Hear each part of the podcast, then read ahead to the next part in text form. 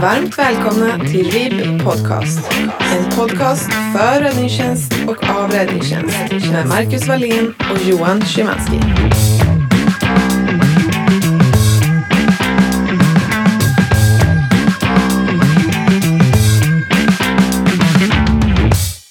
Tjena Johan! God dag Marcus. Hur är läget?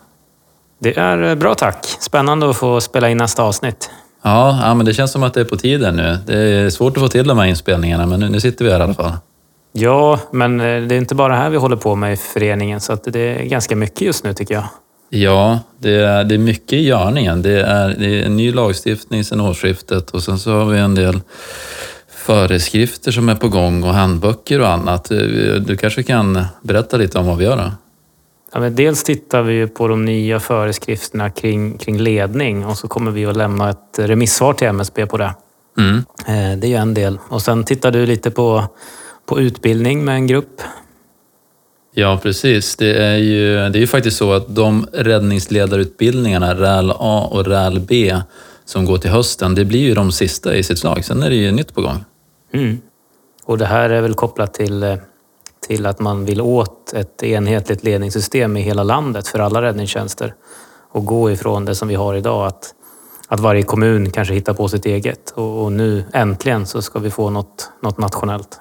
Ja, men det känns ju jättebra. Det hänger ihop hela vägen. Så det, det är kul med lite mycket att göra för stunden, då, vilket också är kul då, i och för sig. Men ja, det, det är läge nu om man vill tryck, tycka till att eh, göra sin röst eh, hörd. Så det är väl ett, kanske ett medskick till eh, medlemmarna då, som lyssnar, att eh, hör gärna av er om ni har synpunkter.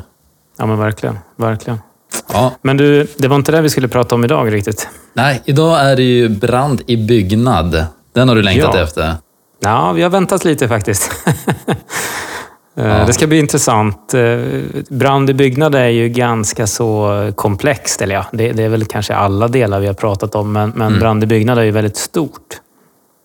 Verkligen. Det, det känns mastigt att, att väva in allting i ett avsnitt, så vi har väl kanske varit inne lite på att vi ska dela upp det, va?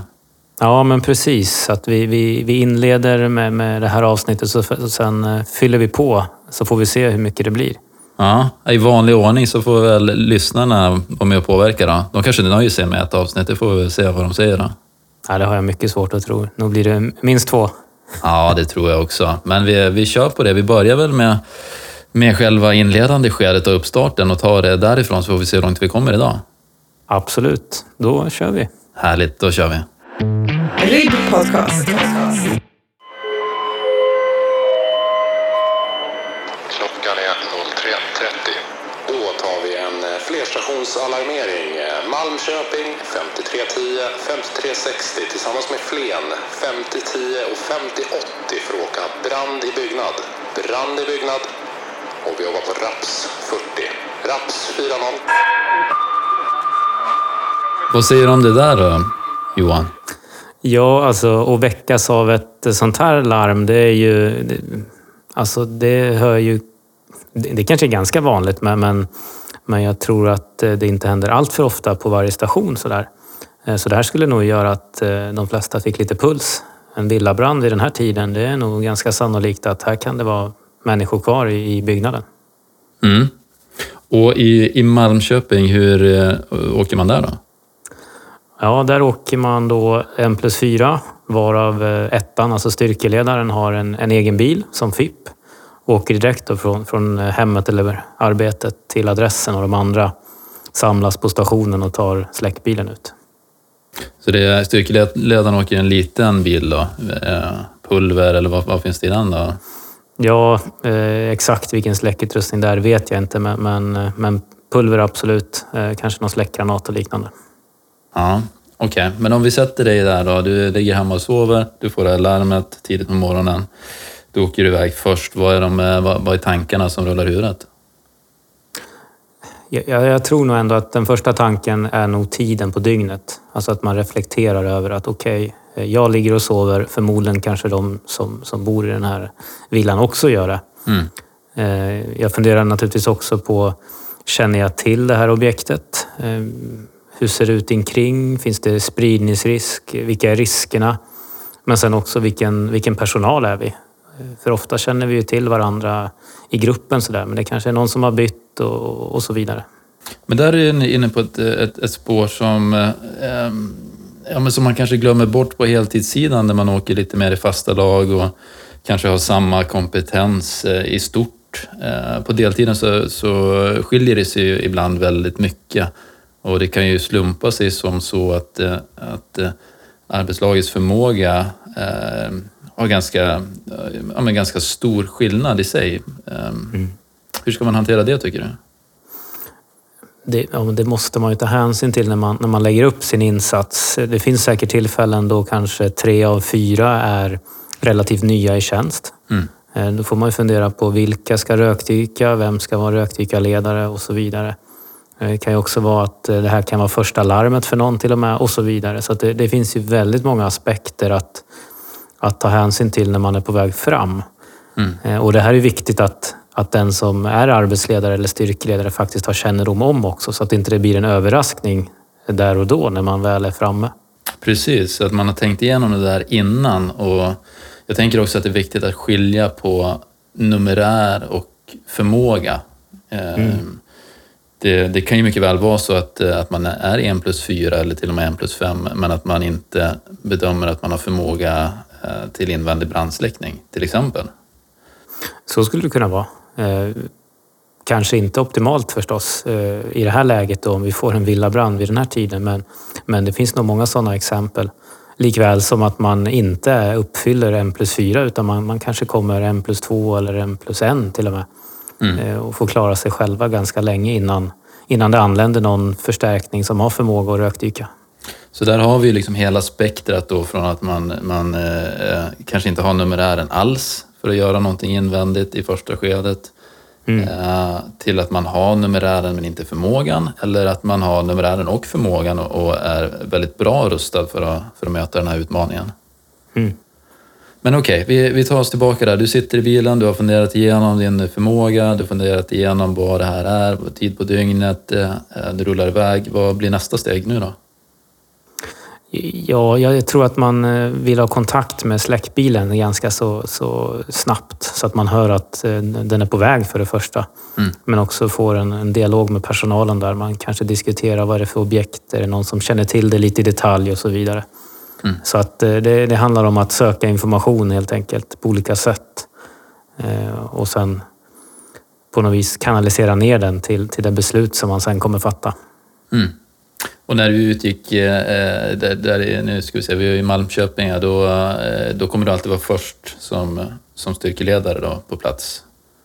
Ja, det är väl rimligt i och med att insatsledaren utgår ifrån Flen. Då, så den, den personen har ju en, kanske en tio minuter, en kvart att köra innan den är på plats. Mm. Ja, det där är så spännande för det, det finns ju alla möjliga varianter på det där. Det kan ju vara så att styrkan är först eller att man skickar två brandmän först eh, mm. och sen så kommer styrkeledaren och sen kommer resterande. Så att det, det är eh, verkligen en, en, en, en spridd bild runt om i landet. Då. Men, men eh, om vi säger att du är först på plats här då. Um, kanske ett par minuter före styrkan då antar jag. Mm. Eh, det är en ganska utmanande situation. Ja, naturligtvis. Min egen erfarenhet av att ha åkt som, som insatsledare motsvarande under ganska många år, det är faktiskt att det är skönare att komma någon minut före än att komma exakt samtidigt. För, för kommer man någon minut före så har man ofta möjlighet att skapa sig en, en bild över situationen och kanske kan tänka till och få till en bra order. Medan kommer man exakt samtidigt så kanske de förväntar sig att få en order direkt men, men då kanske den inte alltid blir lika bra. Så, mm. så det där är tudelat helt enkelt om det är bra att komma exakt samtidigt eller lite före eller lite efter. Ja, precis. Man får vara förberedd på, på alla möjliga scenarion. Eh, tillräckligt förberedd i alla fall för att kunna ta det på uppstått när, när, när vi kommer fram. Precis, och sen handlar det också om i vilken ledningsnivå man kommer dit. Åker man nu som styrkeledare, som i det här exemplet, så är man ju förhoppningsvis i alla fall ganska samövad. Ehm, man känner varandra och då är det naturligtvis lättare att också komma fram till vad gör vi i den här situationen? För man kanske känner igen den ur övningsscenarier och liknande, men också från, från skarpa insatser. Mm. Mycket bra. Okej, men då har, vi, då har vi lekt med den där tanken lite där med Malmköping, att du kommer fram där. Eh, vi har styrkan på gång bakom. Um, dags att snacka lite om eh, själva framkomsten då. Eh, framkomstrapport och eh, läsa, läsa olyckan. RIB Podcast. Precis, och vi har ju varit inne på det förut att framkomstrapporten ska ju helst innehålla delar av OSHMIP, alltså vår lägesrapport. Och då är det ju i huvudsak OSH, objektskada hot. Mm. Och nu är det du som har dragit larmet så jag har ju lite svårt att lämna en, en OSH här i det här läget. Då. Så du får väl beskriva situationen lite mer ingående. Ja, vi kan, väl, eh, vi, vi, kan väl göra det och vi kan väl också eh, dra oss till minne då våra objektskadehot, hur vi ska resonera där. Att vi, eh, O eh, är ju en beskrivning av det som är skadedrabbat. Och I det här fallet mm. så har du fått en villa att jobba mot. Eh, det är tvåplans, en fristående villa. Eh, det ser ut att vara en panel i alla fall, förmodligen en träkonstruktion då, eh, äldre byggnad. Um, skadan är eh, en brand då, men framförallt så ser du rökutveckling från um, övre plan och uh, takfot. Och hotet, om jag nu får lägga ord i munnen på det, är ju vidare brandspridning, um, vet ju inte om någon är kvar inne då, så det har ju den problematiken också. Mm. Och sen så, um, ja vi kan komma till lite, lite mer, det finns lite mer att måla ut här kring den här situationen, men vi, vi kan väl börja där då. Um, hur tänker du kring, kring det läget? Ja, men utifrån vad du sa så tycker jag att det är eh, ganska klart för mig redan vad, vad, våran, vad vårt uppdrag kommer bli, alltså vad mål med insats kommer vara här. Det är en tvåplansvilla. Eh, det, det, brinner, det är rökutveckling. Du sa att den var fristående, så det är ingen spridningsrisk till intilliggande. Eh, men framför allt här så, så, finns det risk för att det är människor kvar och det, det är det som kommer bli vår prioritering nummer ett här. Mm. Eh, vi kan väl stanna upp där en stund. Jag tänker kring det här mål med insatsen, nämner du. Mm. Uh, det är lätt att tänka att ja, men det, det är brand i byggnad, det brinner. Vårt mål är ju att släcka elden. Men det finns lite olika aspekter att tänka på där vid framkomsten? Ja, precis. Alltså, det är klart att eh, vi ska släcka branden vid tillfälle, va? Men, men målet med insatsen just nu, det skulle jag vilja påstå, det är livräddning och ingenting annat. Sen så kan det vara så att vi, vi genomför livräddningen genom att släcka branden. Alltså att det är nyckeln till att genomföra livräddningen. Men själva brandsläckningen i sig är inte målet med insatsen, utan här handlar det om att eh, rädda de människor som eventuellt finns kvar i första läget och sen i så fall eventuellt släcka branden. Mm. Precis, så det eh, vi pratar om livräddning, vi pratar om egendomsräddning, vi pratar om miljöräddning. Eh, det kan ju vara så att vi kommer fram i ett väldigt sent skede. Larmet kommer in sent, vi kommer fram och, och, och inser att här finns det ingenting att, att göra. Det, det är, det är ingen som kan vara vid liv där inne och eh, byggnaden, ja, det, det är ingenting att rädda. Och i det läget så får vi en helt annan inriktning då. Precis, eh, och det är lite känsligt läge sådär. Så jag skulle ändå råda till att man, i det, alltså man funderar en kort stund i alla fall över livräddningsskedet. Och är det så att man bedömer då att här går det inte, det har gått för långt, att man då meddela det tydligt och se till att det blir dokumenterat också, att man faktiskt har haft det i beaktande. Så att det inte verkar som i efterhand att eh, nej, man, man funderade inte ens över den tanken. Men, men där har man ju valt och tagit ett aktivt beslut. Mm. Ja, men du, livräddning säger du här. Um, ja. Riskbedömning? Ja, eh, vi, vi har ju någonting som vi kallar för OBBO. Eh, och eh, den påbörjar jag ju direkt redan i bilen egentligen. Söker den information mm. som jag kan. Men, men, när jag kommer fram här och nu, och jag hade ju någon minut innan styrkan skulle anlända, så, så tar jag ju tillfället i akt och till och förhoppningsvis springer runt den här villan. Eh, det kanske är någon som möter upp mig som kan informera om lite mer. Eh, och sen den informationen tillsammans med, med det jag ser. Det är ju underlag då för min, min riskbedömning här. Mm. Och då brukar vi prata om eh, skadeplatsfaktorer är ju ett sånt här fint ord, men, men att man tittar på vad är det som, vad ser jag som kan vara av väsentlighet för insatsen? Eh, Mm. Finns det fler vägar in i byggnaden? Finns det någonting på baksidan här som inte jag har sett? Finns det någonting ytterligare som är hotat? Eh, Vad, vad, vad mer kan vi leta efter här när vi, när vi springer runt här? Eh, Vi skulle kunna titta på om det finns några särskilda risker, alltså gasflaskor och dylikt, men, men, men också egentligen brandförloppet i sig.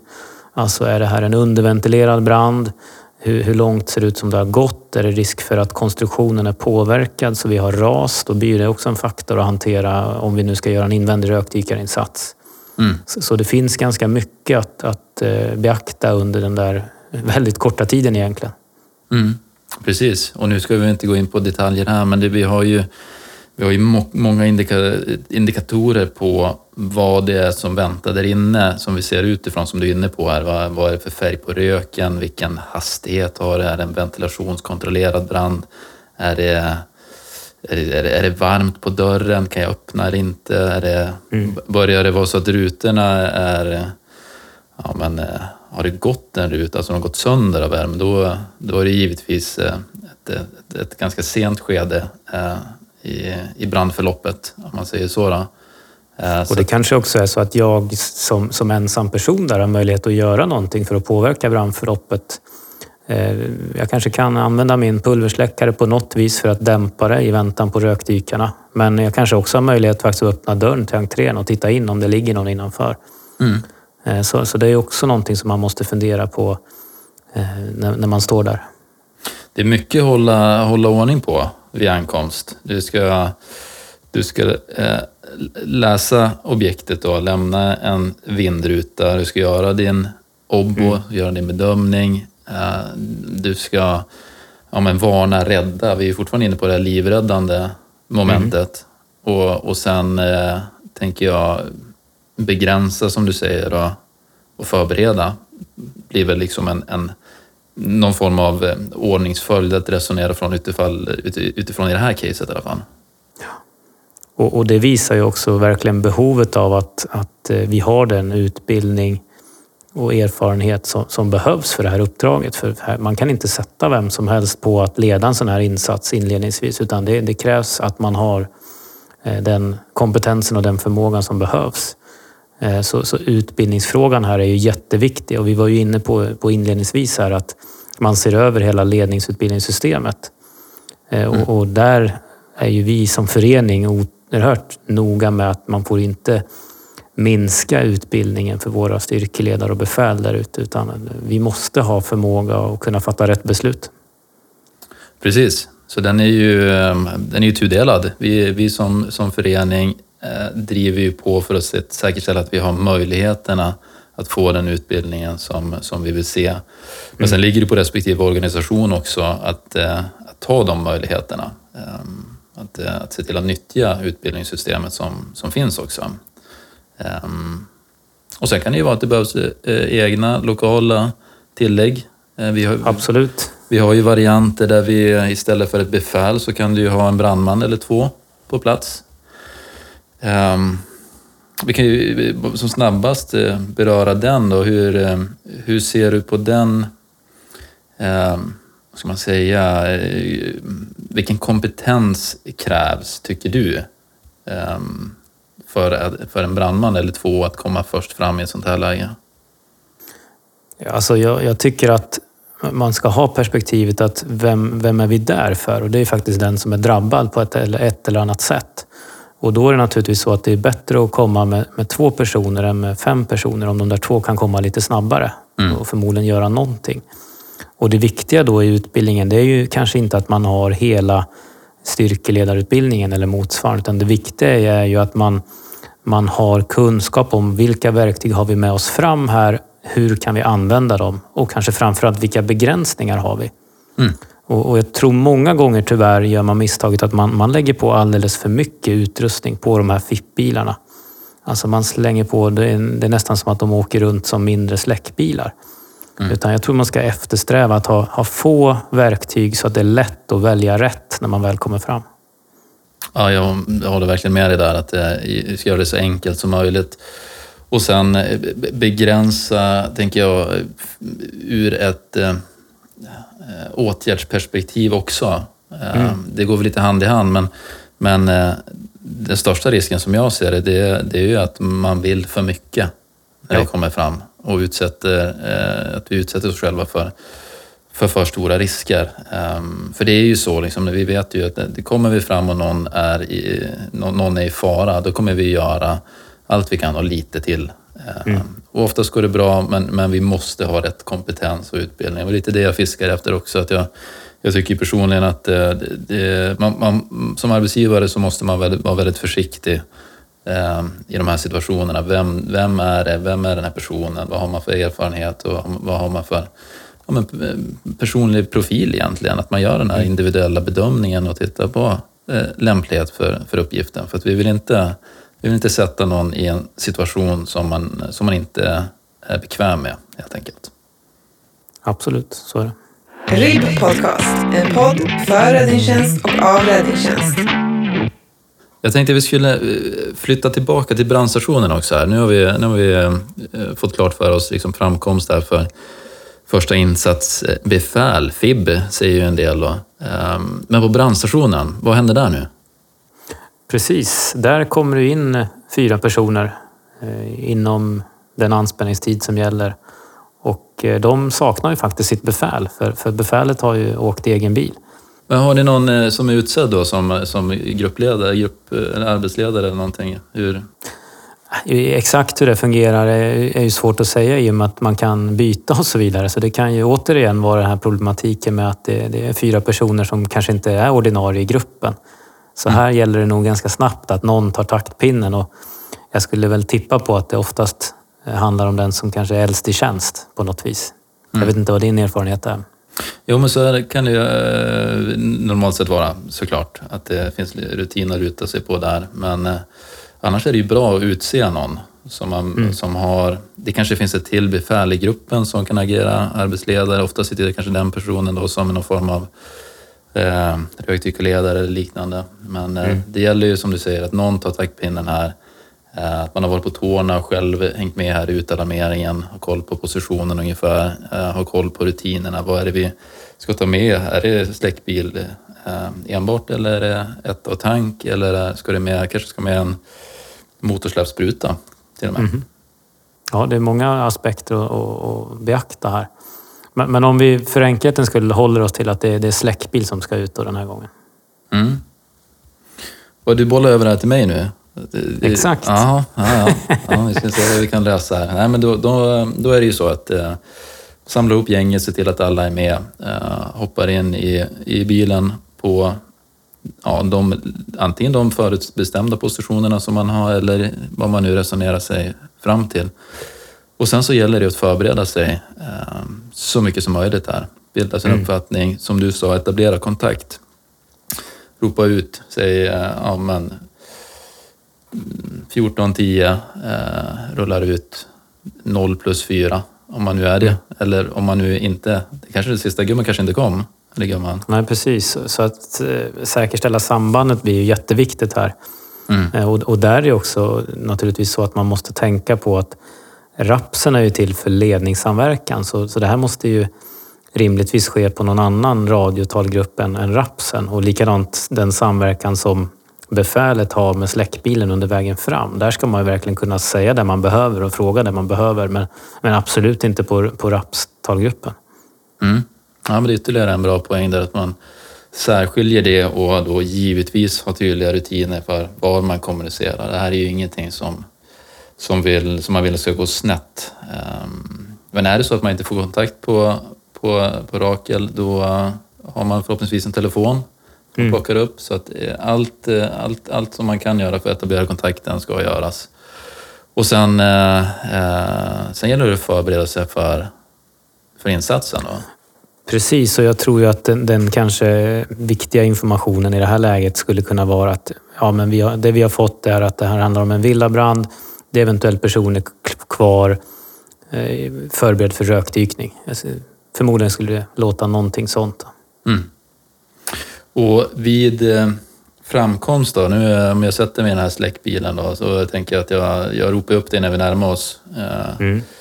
och frågar efter ja, fordonsplacering, jag frågar efter ehm, ja, för- förberedande order eller ifall du har någon omedelbar åtgärd.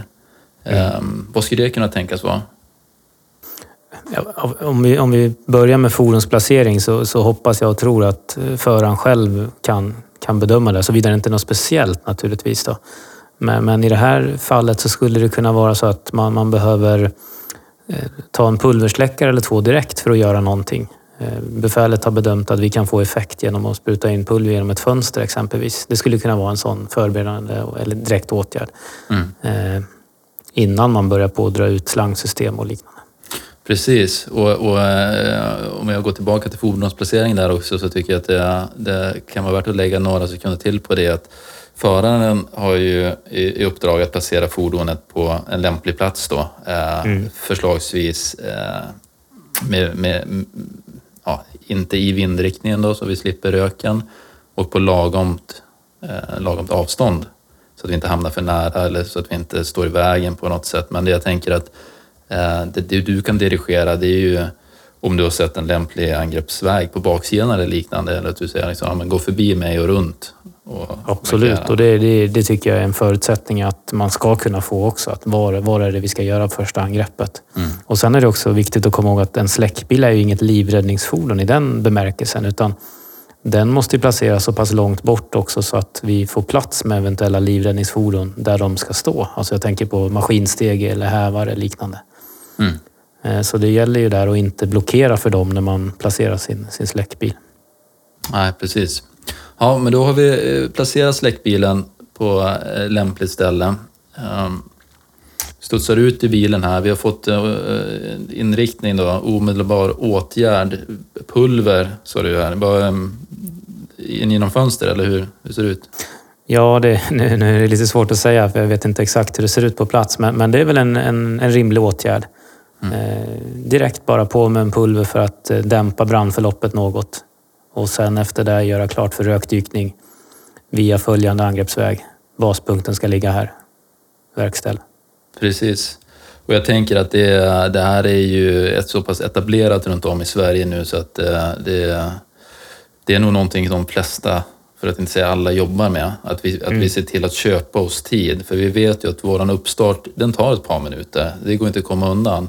Och kan vi då göra någonting åt branden så ska det göras. Oavsett om det är pulver genom fönstret eller om man jobbar med släckspett, om man borrar sig in, om det är en sluten stråle genom eh, eh, fönstret här på andra våningen. Ehm, det kan ju vara en koppla en 25 mot, mot bilen och, och, och, och, och skicka in ett par hundra liter vatten. Det gör jättestor skillnad. Så att, eh, det, det hoppas jag att alla gör då. Köper tid. Eh, Det är en del i de livräddande åtgärderna att förbättra miljön. Och, och dessutom så får vi då en, en, eh, en bättre situation för oss att hantera när vi väl går in och jobbar invändigt. Jajamän. RIB Podcast. Invändig livräddning, brandsläckning. Att överlag jobba invändigt i en byggnad som brinner, det, det är inte bara så. Nej, precis. Vi, vi har ju våran eh, AFS för rök och kemdykning. Och eh, den inleds ju med faktiskt att Arbetsmiljöverket konstaterar att det är den farligaste arbetsuppgift som, som man tillåter i Sverige. Mm. Eh, Och det är ju naturligtvis därför det blir så oerhört viktigt med, med en riskbedömning som återkommer kontinuerligt under hela insatsen som pågår. Då. Och vad om, man, om, man, säger AFS, eh, det är väl den enda AFSen som, som folk eventuellt kan numret på, tror jag. Det, den är så väl etablerad eh, i våran bransch. Då. Men, eh, den innebär ju bland annat att vi ska ha våra varma och kalla rökövningar. Mm. Eh, så långt är vi ju med. Och, men, men vad säger den i gällande rökdykning, brand i byggnad? Vad, vad, vad finns det för begränsningar här? Då? Ja, alltså den, den ställer ju ganska så höga krav på vilken eh, kompetens och vilka faktorer som arbetsledaren ska ta hänsyn till eh, när man ska bedöma om det är så att man ska genomföra en, en rökdykning eller inte. Eh, och, hur menar du då? Ja, men det, det är exempelvis brandförloppet. Det kan vara räddningsstyrkans sammansättning och hur man mår. Vi var inne på det lite tidigare. Eh, mm. Och finns det ambulans på plats och så vidare. Så det är ganska många delar att ta hänsyn till i AFS. Då. Eh, men sen ska man också betänka att rökdykning som metod vill man ju att vi ja, egentligen ska använda när det är livräddning. Och, och i övrigt så helst då använda andra sorters metoder med utvändig släckning. Det, det, det står ganska tydligt i EFSen om man ska, om man ska läsa, läsa ordagrant va? Mm. Ja, absolut, det gör det. Och så, så är ju inte riktigt branschen, det kan väl både du och jag erkänna. Och, och, och många gånger så, så, är det nog så, eller är nog, jag vill påstå att det är så, att det är effektivare att genomföra en invändig släckinsats med rökdykare Även om det inte handlar om livräddning. Mm. Det, det, det, är väl någonting att, att poängtera. Att det, läs om nafsen så står det tydligt där att det, det, det, ska vara livräddning för att vi ska jobba i en sån far, farlig miljö.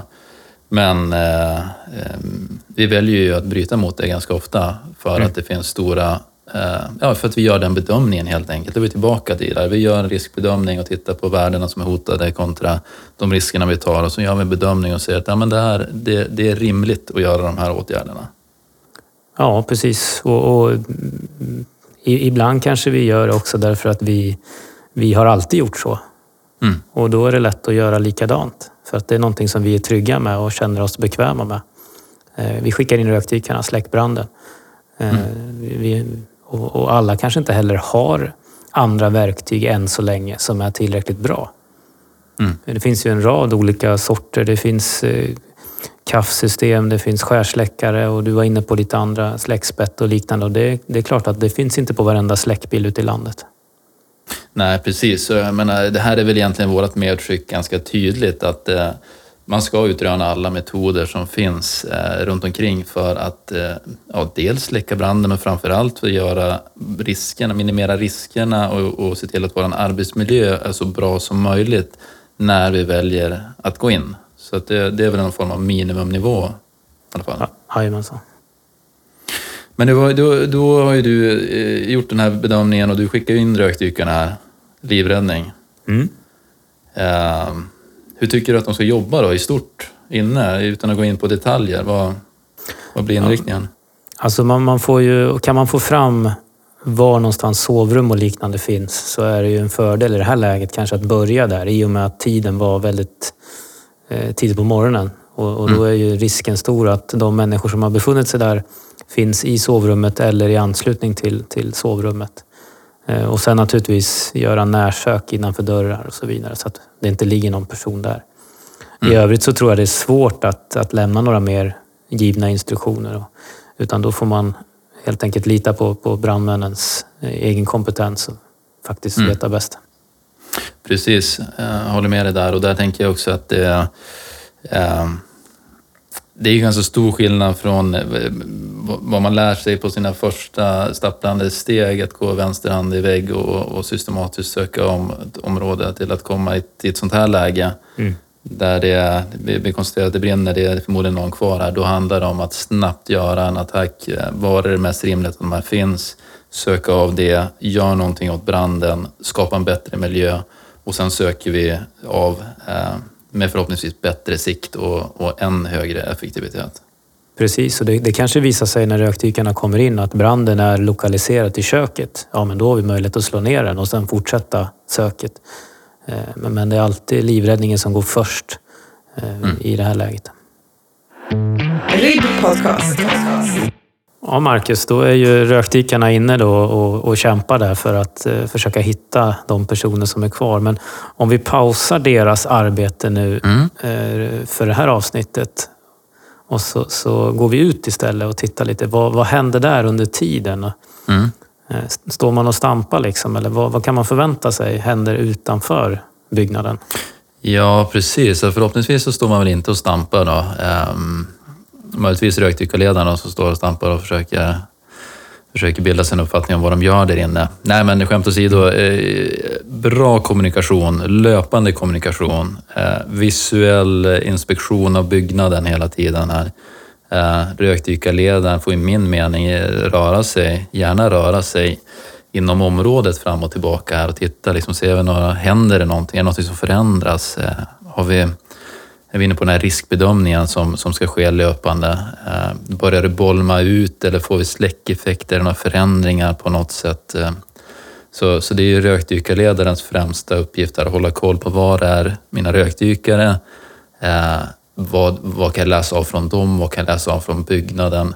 Vad mer för information behöver de få från, från mig? Mm. Och sen har vi styrkeledaren då, som, som i sin roll kanske har backat tillbaka ett par steg här och, och sköter samverkan. Ehm, jag tänker första målet är att få igång de här åtgärderna och insatsen och, och sen kan man börja liksom titta, okej okay, men vad är det, vad, vad har jag runt omkring mig, vad, när kommer ambulans, polis, förstärkning, vad behöver jag rapportera bakåt till bakre ledning? Precis. Jag tänker ambulans i det här läget, eh, de får förbereda naturligtvis för att det kan komma ut. Mm.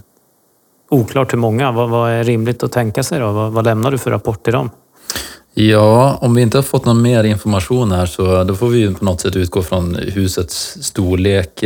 Vi kanske har lyckats eftersöka något i fastighetsregistret eller att vi på annat sätt har, har eh, läst av situationen. Då. Det kan ju vara kanske finns, eh, står namn på brevlådan eller någonting. Så att det, någonstans vill man försöka rama in vad, hur många kan det tänkas finnas i den här byggnaden. Mm. Eh, och, och, polisen kan ju ofta vara till hjälp där och det, det kan man ju be om redan under framkörningen. Mm. Att kan, ni, kan ni titta hur många det är skrivna på adressen? Mm.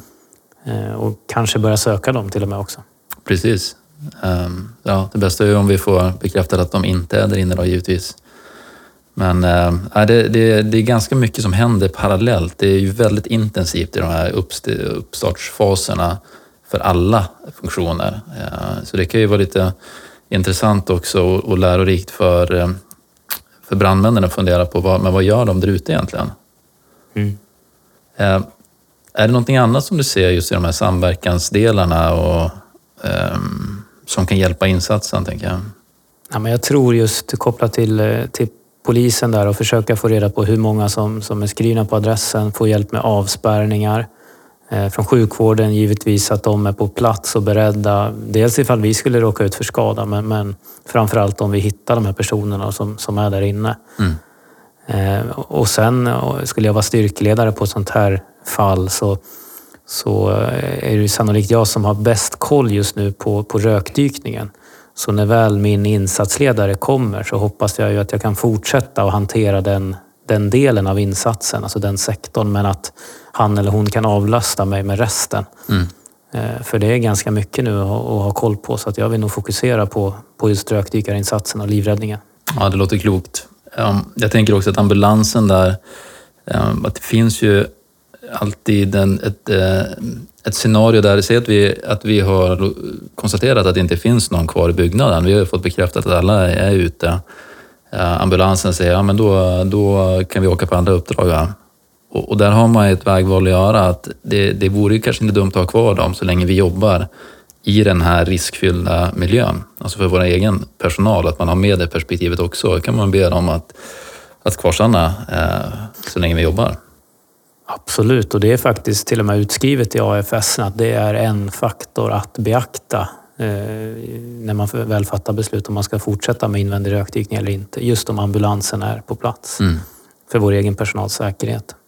Och det tänkte jag också vi skulle kunna följa upp i något avsnitt, just det här med alltså egen personal och olyckor kopplat till rökdykning. Det har ju faktiskt eh, varit en del dödsolyckor genom åren. Mm. Eh, och vi skulle kunna nämna någonting om dem framöver, lite när de har inträffat, om det finns någon gemensam nämnare kring de här. Men det, jag tänker, ja, jättebra. Och jag tänker så att det, det är kanske är ett bra eh, läge att pausa avsnitt ett, brand i byggnad här och och be om input från lyssnarna. För vi har ju, vi har ju lite vägval här. Vi skulle kunna eh, vi skulle kunna prata mer om eh, själva branden och i arbetet, ventilation, kanske gå in lite mer på, på metod. Så, Ehm, Vi fick en fråga också om solceller. Skulle man kunna diskutera lite kring vad gör man om det sitter solceller här? Eller andra elanläggningar. Ehm, vad har vi mer? Har du någonting sådär på... Ja, ja, men jag tror att det är tillräckligt och, och att vi får in eh, synpunkter på hur det här caset, då, om vi ska kalla det för det, utvecklar sig. Ja. Och sen har vi en fortsatt dialog kring det. Vi ber, vi ber lyssnarna utmana oss helt enkelt. Vad, är det, vad, vad ska hända härnäst? Vad, är det vi ska, vad, vad ska vi resonera kring? Eh, kommer eh, heltiden eh, till platsen nu och med, med några förlegade eh, synsätt och jargonger här eller är det, eh, är det någonting annat här som, som blir den stora utmaningen? Ja, men precis. Ja, spännande. Det kan hända vad som helst med andra ord. Ja, men precis. Eh, och då, då, då säger vi väl som vanligt då, RIB Podcast på, på Facebook. Um, Kom med inspel, idéer, tankar. Utmana oss här och, och, och ta den här, den här poddserien vidare på temat brand i byggnad. Mycket bra. Tack så länge då och tack alla lyssnare. Vi hörs. Hej! Du har lyssnat på RIB Podcast. En podd för räddningstjänst och av räddningstjänst. Med Marcus Wallén och Johan Szymanski. Producerad av Timmy Selin, grafik Adam Dahlstedt.